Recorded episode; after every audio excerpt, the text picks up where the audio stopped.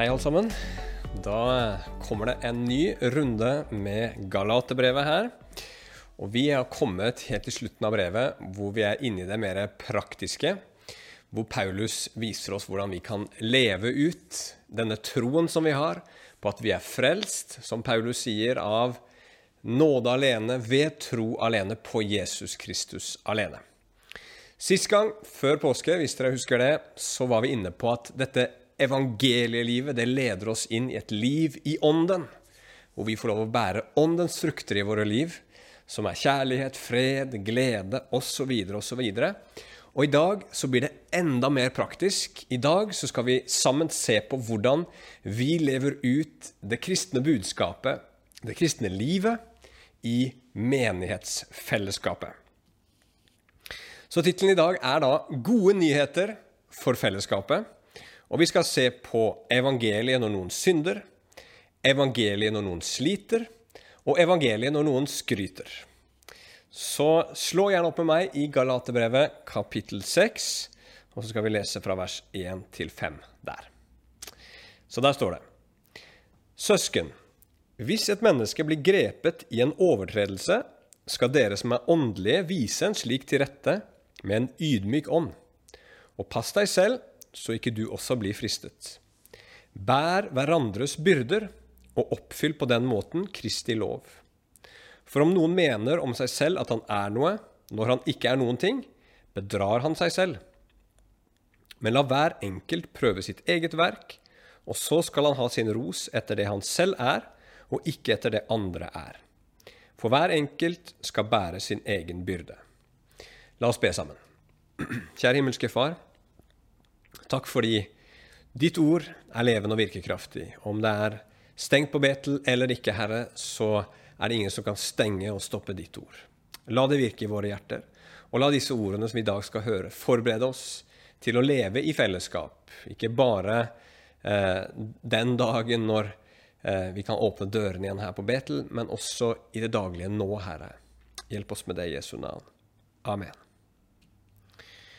Ja, Mitt første punkt er da evangeliet når noen synder.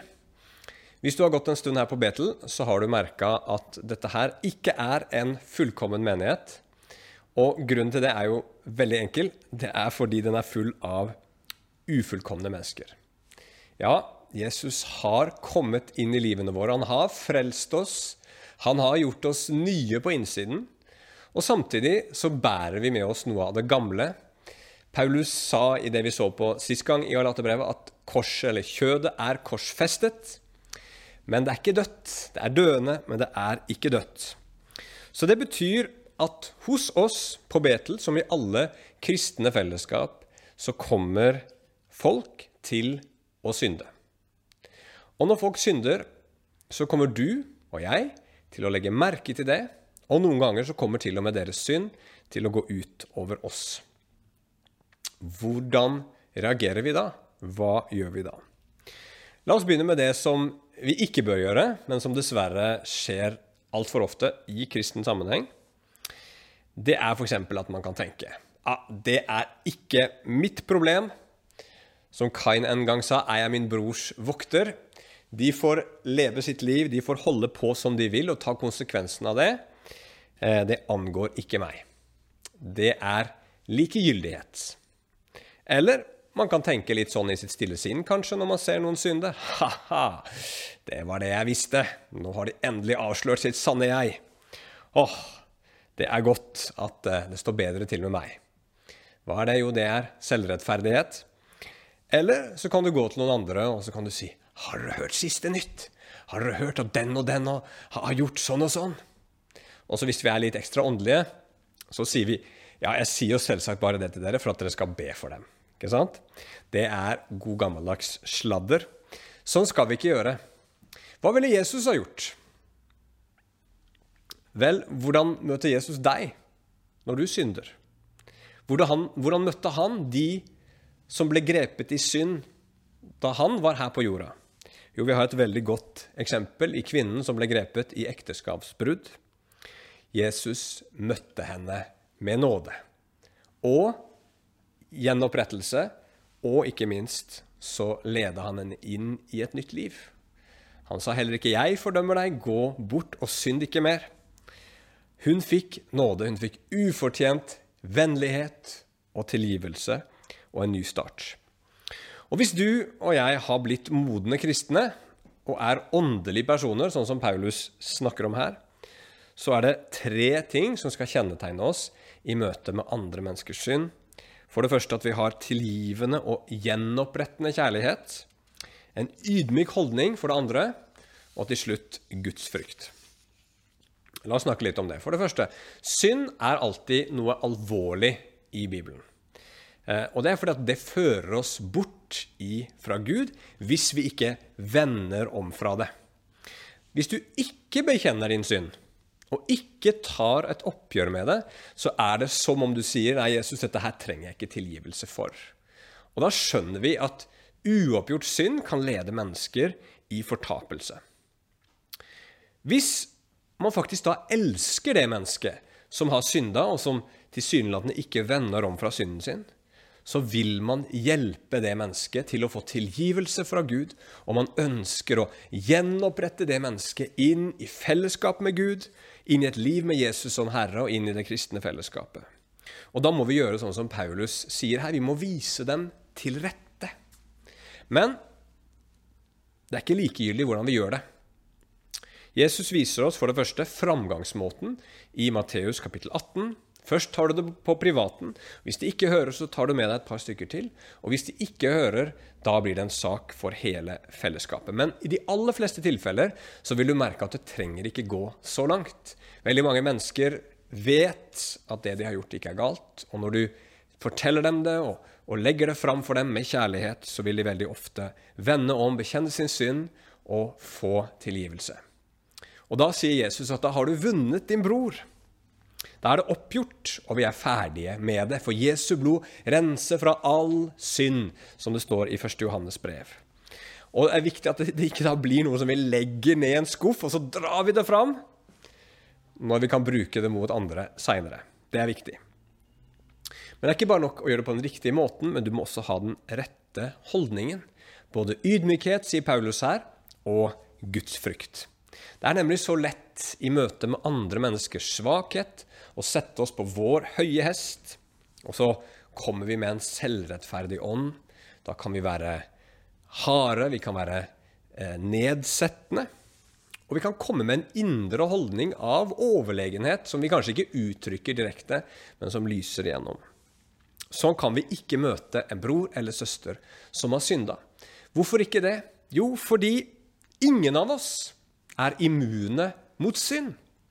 Det kunne like godt vært deg som satt på den andre siden av bordet.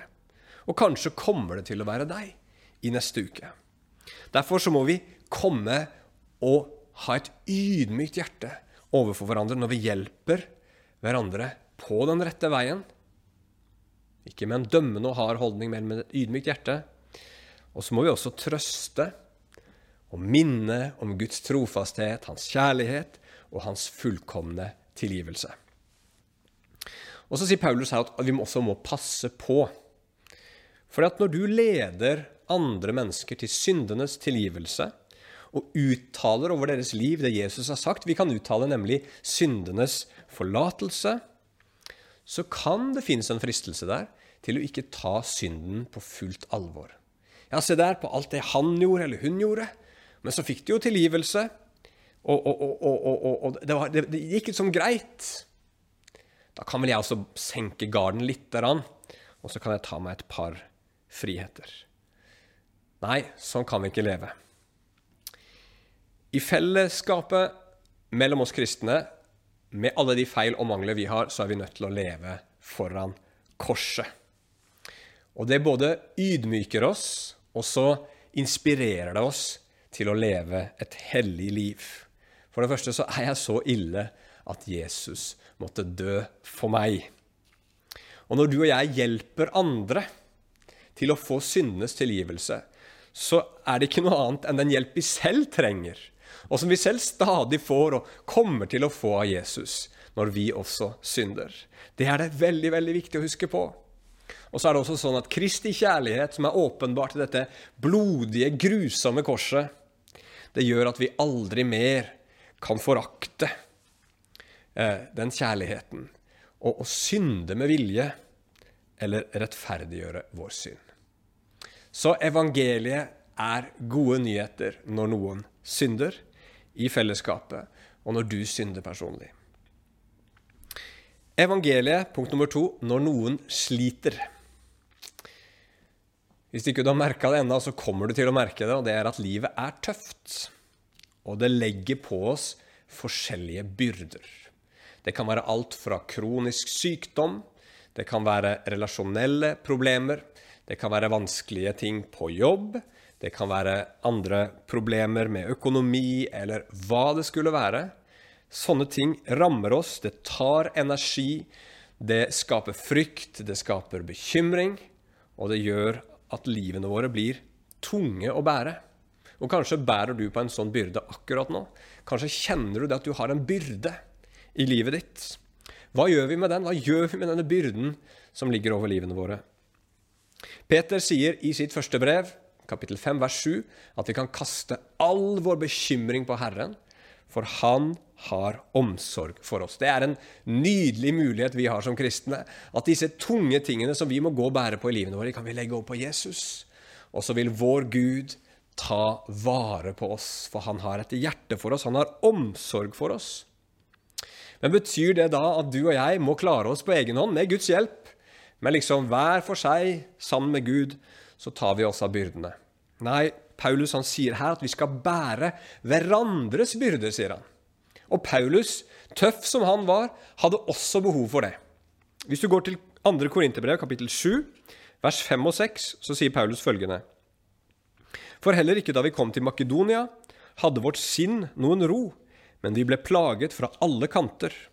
Utenfor oss var det stridigheter, inni oss var det frykt. Paulus hadde det med andre ord veldig tøft. Og hva skjedde? Jo, vers 6. Men Gud, som trøster de nedbøyde, trøstet oss ved at Titus kom.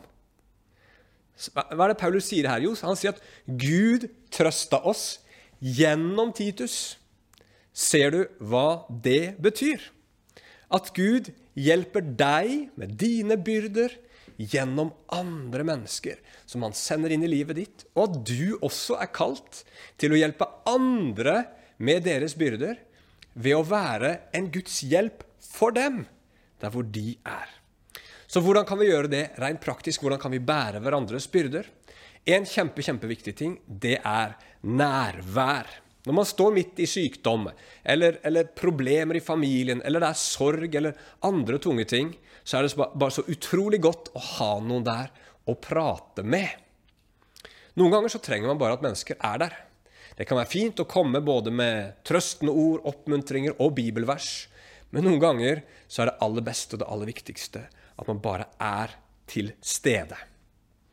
Og så er det også veldig viktig å passe på at man ikke blir som en av Jobbs venner, som lå, la hele byrden eh, på, på, jobb, og sa det var hans feil at han hadde det vanskelig. Og så er det også så viktig å være proaktiv og ta initiativ når det gjelder sånne ting som det her. Erfaringsmessig så er det veldig få mennesker, spesielt i vårt land, som spør om hjelp. Spør kan du komme og prate med meg. Kan du komme og være til stede når livet blir vanskelig.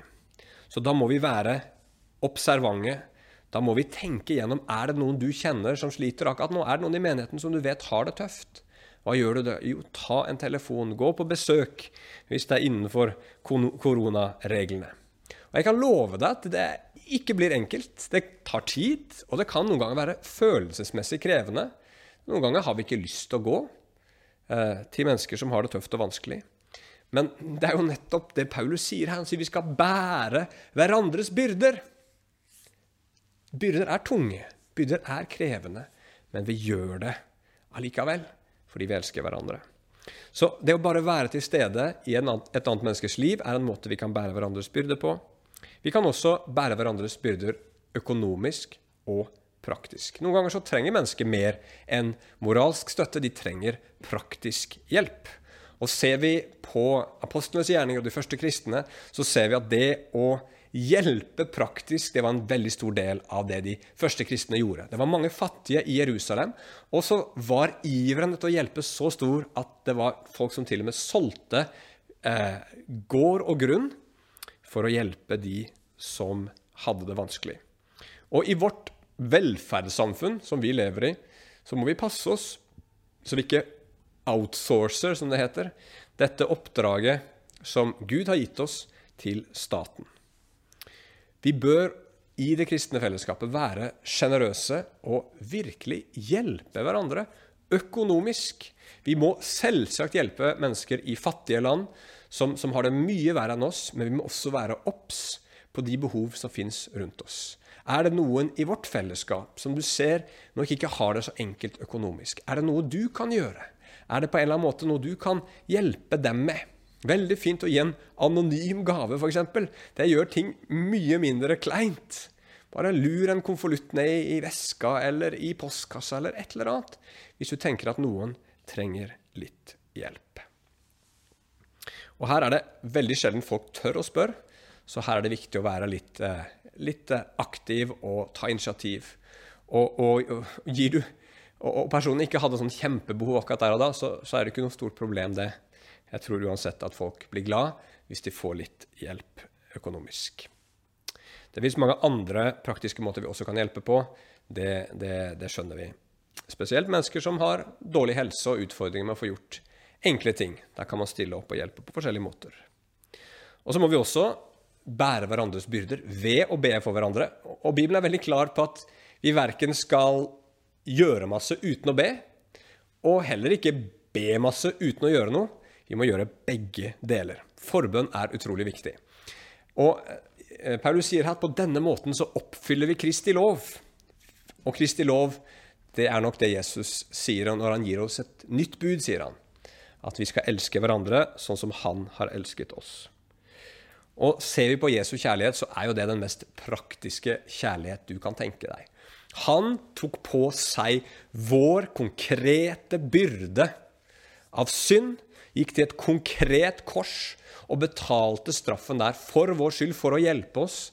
Og så sto han konkret opp fra de døde for å gi oss en arv. For å gi oss det han hadde. For å gi oss evig liv sammen med Gud, som Guds barn, elska av Gud i hverandre. Og elska Gud i all evighet. Eh, sånn elska han oss, og sånn skal vi også elske hverandre.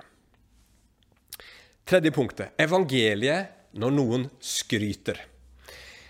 Paulus han sier i vers 3 her For om noen mener om seg selv at han er noe når han ikke er noen ting, bedrar han seg selv. Å gå rundt og mene at man er noe, det handler jo selvsagt om stolthet. Er det et stort problem? Ja, det er det på mange plan. Stolthet gjør oss selvrettferdige og dømmende og ute av stand til å ha den ydmyke holdningen som Paulus nettopp har snakka om, overfor en bror eller søster som har trådt feil, som har synda, og som har eh, tabba seg ut.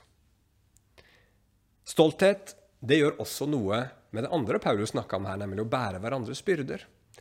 For hvis vi er stolte, så vil vi ikke ha andres hjelp.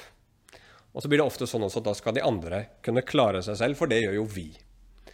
Og som du ser, stolthet det blir ikke gode frukter av det som fører til den menigheten med omsorg og ydmykhet som Paulus snakker om her. Nå kan det høres litt ut som om Paulus fremmer janteloven her, men det stemmer ikke. Janteloven den sier at det er forbudt å tenke at man er noe eller kan noe uansett. Det er det janteloven sier. Men Paulus han sier derimot at vi skal tenke i tråd med det som er sant, og så skal vi ikke bedra oss selv. Vi skal ikke lure oss sjøl. Så han vil med andre ord fri oss fra den ødeleggende stoltheten som kommer fra å tenke for positivt om oss selv.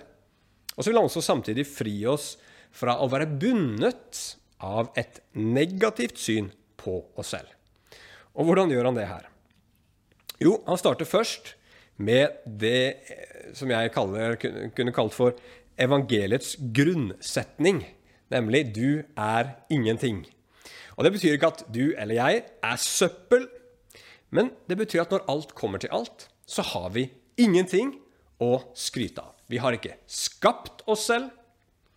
Det er ingenting vi kan gjøre for å komme i rett relasjon til Gud og gjøre opp for all vår synd og skyld og ondskap framfor Gud. Og når vi blir kristne og får tilgivelse og evig liv som Guds elskede barn, så har det ingenting med oss å gjøre. Men Gud har gjort alt sammen og gitt det til oss som en gave av bare nåde, fordi Han er så utrolig god. Og Jeg syns Paulus sier det så utrolig bra i Romerne. Vi skal lese fra, 3, eh, fra kapittel 3, vers 21 til 27. Der står det Men nå er Guds rettferdighet blitt åpenbart uavhengig av loven, som er egenprestasjon. Om den vitner loven og profetene Det gamle testamentet. Dette er Guds rettferdighet som gis ved troen på Jesus Kristus til alle som tror. Her er det ingen forskjell, for alle har syndet, og de har ingen del i Guds særlighet. Ingen av oss klarer det selv, men ufortjent, understreket ufortjent, og av Hans nåde blir de erklært rettferdige av forløsningen i Kristus Jesus. Altså det Jesus har gjort for å kjøpe oss fri. Ham, Jesus, har Gud stilt synlig fram for at han ved sitt eget blod skulle være et sonoffer for dem som tror. Slik ville Gud vise sin rettferdighet, for tidligere hadde han i sin tålmod båret over med de syndene som var begått. Men i vår tid vil han vise sin rettferdighet både ved at han selv er rettferdig, han straffer synden, og at han erklærer den rettferdig som tror på Jesus. Han viser nåde. Og da kommer vers 27. Hva er så det vi kan rose oss av? All ros er utelukket, sier han. Etter hvilken lov? Gjerningenes lov? Nei, etter troens lov. All ros er utelukka, fordi at alt vi har, har vi fått av nåde. Vi har ingenting i oss selv.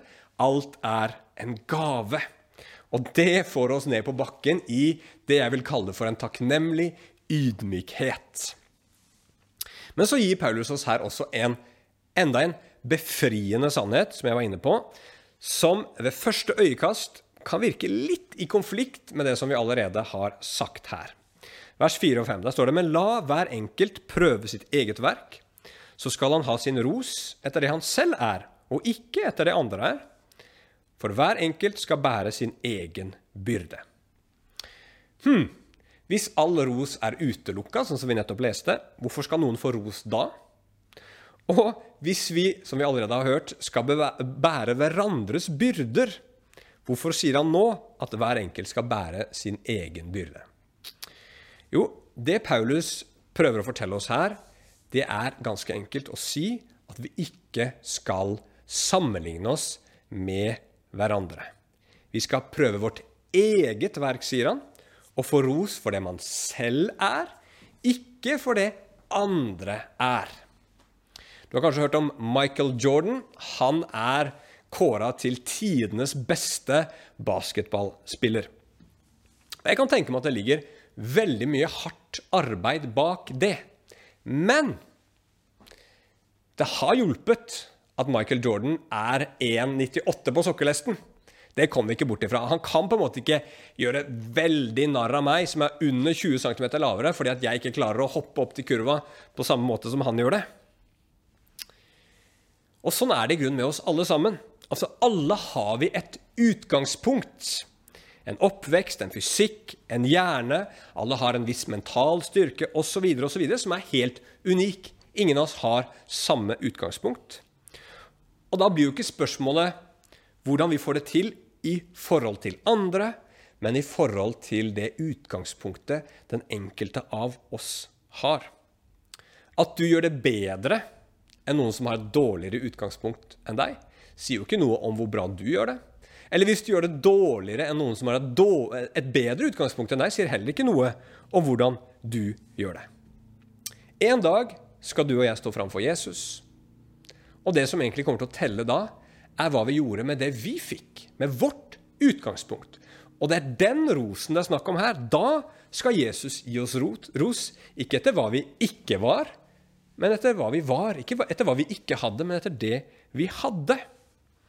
Og Jesus er jo kjent for å ha sagt om en fattig enke som kom og la to øre i tempelkisten. den minste summen du kunne putte oppi, at hun ga mer enn alle sammen. Hvorfor det? Jo, for det var med utgangspunkt i det hun hadde. Og hun ga alt det hun hadde, til Guds sak. Dermed ga hun mer enn alle sammen til sammen. Så uansett hvor begava eller lite begava du og jeg er, åndelig og naturlig, så er det du har fått, din lodd i livet.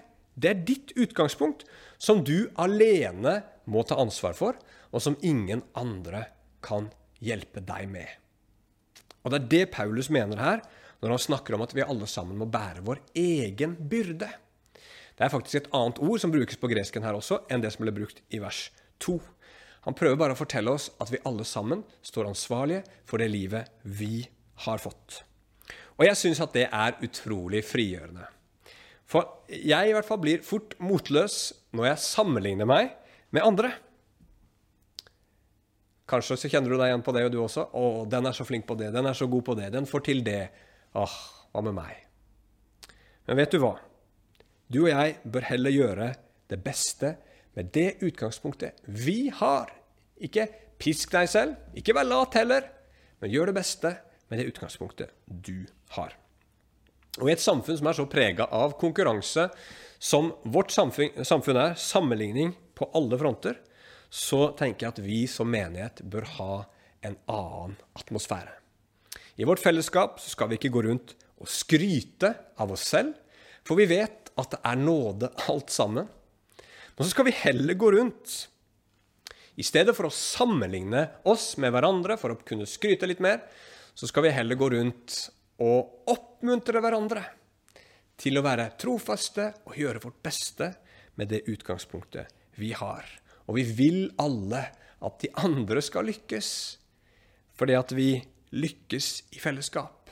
Og det er Guds rike det handler om, og det er Guds ære det handler om, ikke vår egen ære eller vårt eget rike. Og så skal det være sånn i menigheten at om noen faller, om noen tabber seg ut, om noen bommer, så skal vi som brødre og søstre være der rundt dem. Og så skal vi løfte dem opp, og så skal vi trøste dem, og så skal vi hjelpe dem tilbake på rette vei. Og når vi har det tøft, kjære brødre og søstre, la oss bære hverandres byrder. La oss vise praktisk kjærlighet. La det merkes for alle som er i vår menighet, at man er i et fellesskap som er prega av ydmyk kjærlighet og takknemlighet. La det merkes at vi er et fellesskap som lever i evangeliet. Skal vi be til slutt. Kjære himmelske Far. Tusen takk for Jesus, som kom for, en, for, oss som en tjener, og bøyde seg ned, tok på seg vår byrde, bar alt sammen for oss. Hjelp oss til å ta imot denne kjærligheten, leve i denne kjærligheten, og gi denne kjærligheten videre til andre, slik at vi kan oppfylle Kristi lov og vise verden hvem du er. I Jesu navn. Amen. Gud velsigne dere.